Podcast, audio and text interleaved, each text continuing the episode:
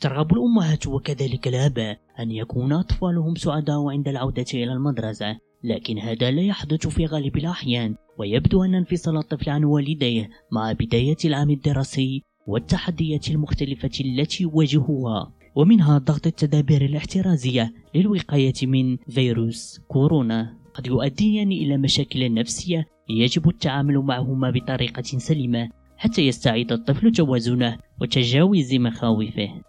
ونقدم لكم في هذا المقطع التعليمي ثلاث حيل للتعامل مع الطفل إذ كان يعاني من ضغط العودة إلى المدرسة في ظروف وفي زمن كورونا كوفيد 19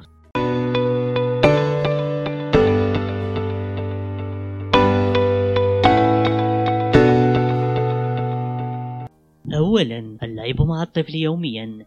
تساعد جلسة اللعب المنتظمة على تهدئة مخاوف الطفل وتجعله يشعر مجددا بالأمان. والواقع أن اللعب باعتبارها أفضل وسيلة للتعبير عن المشاعر لدى الأطفال. يمنحنا فرصة لتخفيف الضغط والقلق الذي يشعر بهما. أكثر مما لو سألنا عما حدث له في المدرسة. وخلال هذه الفترة من المفيد جدا قضاء وقت ممتع مع أطفالنا مع الحرص على أن يكون ذلك روتينا يوميا. يمكنك تخصيص ما بين 5 إلى 15 دقيقة يوميا للعب مع طفلك وإخباره بأنه يمكن فعل كل شيء يريد خلال ذلك الوقت ما عليك سوى ترك زمام المبادرة له وتتبعه وتوجيهه وتجنب توجيه أي نقد لاختياراته. ثانيا الاستماع الجيد لطفلك. يلجأ الطفل في الكثير من الأحيان إلى البكاء للتعامل مع التوتر الذي يشعر به عند العودة إلى المدرسة. ومع المهم في تلك المرحلة تخصيص وقت كافي للاستماع إليه وتركه يعبر عن مشاعره لمساعدته في تجاوز مخاوفه والتوتر. ثالثا الضحك والمرح مع الطفل. يساعد الضحك بمساعدة الطفل على التغلب على التوتر. ويعزز لديه الشعور بالأمان. لذلك يجب إحاطته بجو من المرح عند العودة إلى المدرسة.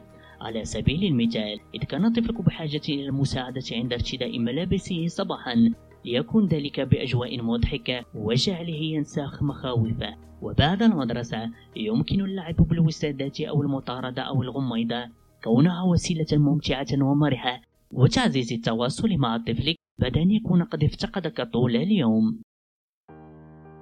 نشكركم لمتابعتكم هذا المقطع السريع. وندعوكم للاشتراك في القناة كما يمكنكم مشاركة هذا الفيديو مع أصدقائكم. كما نتمنى لكم صحة جيدة. أنتم وأطفالكم إلى اللقاء.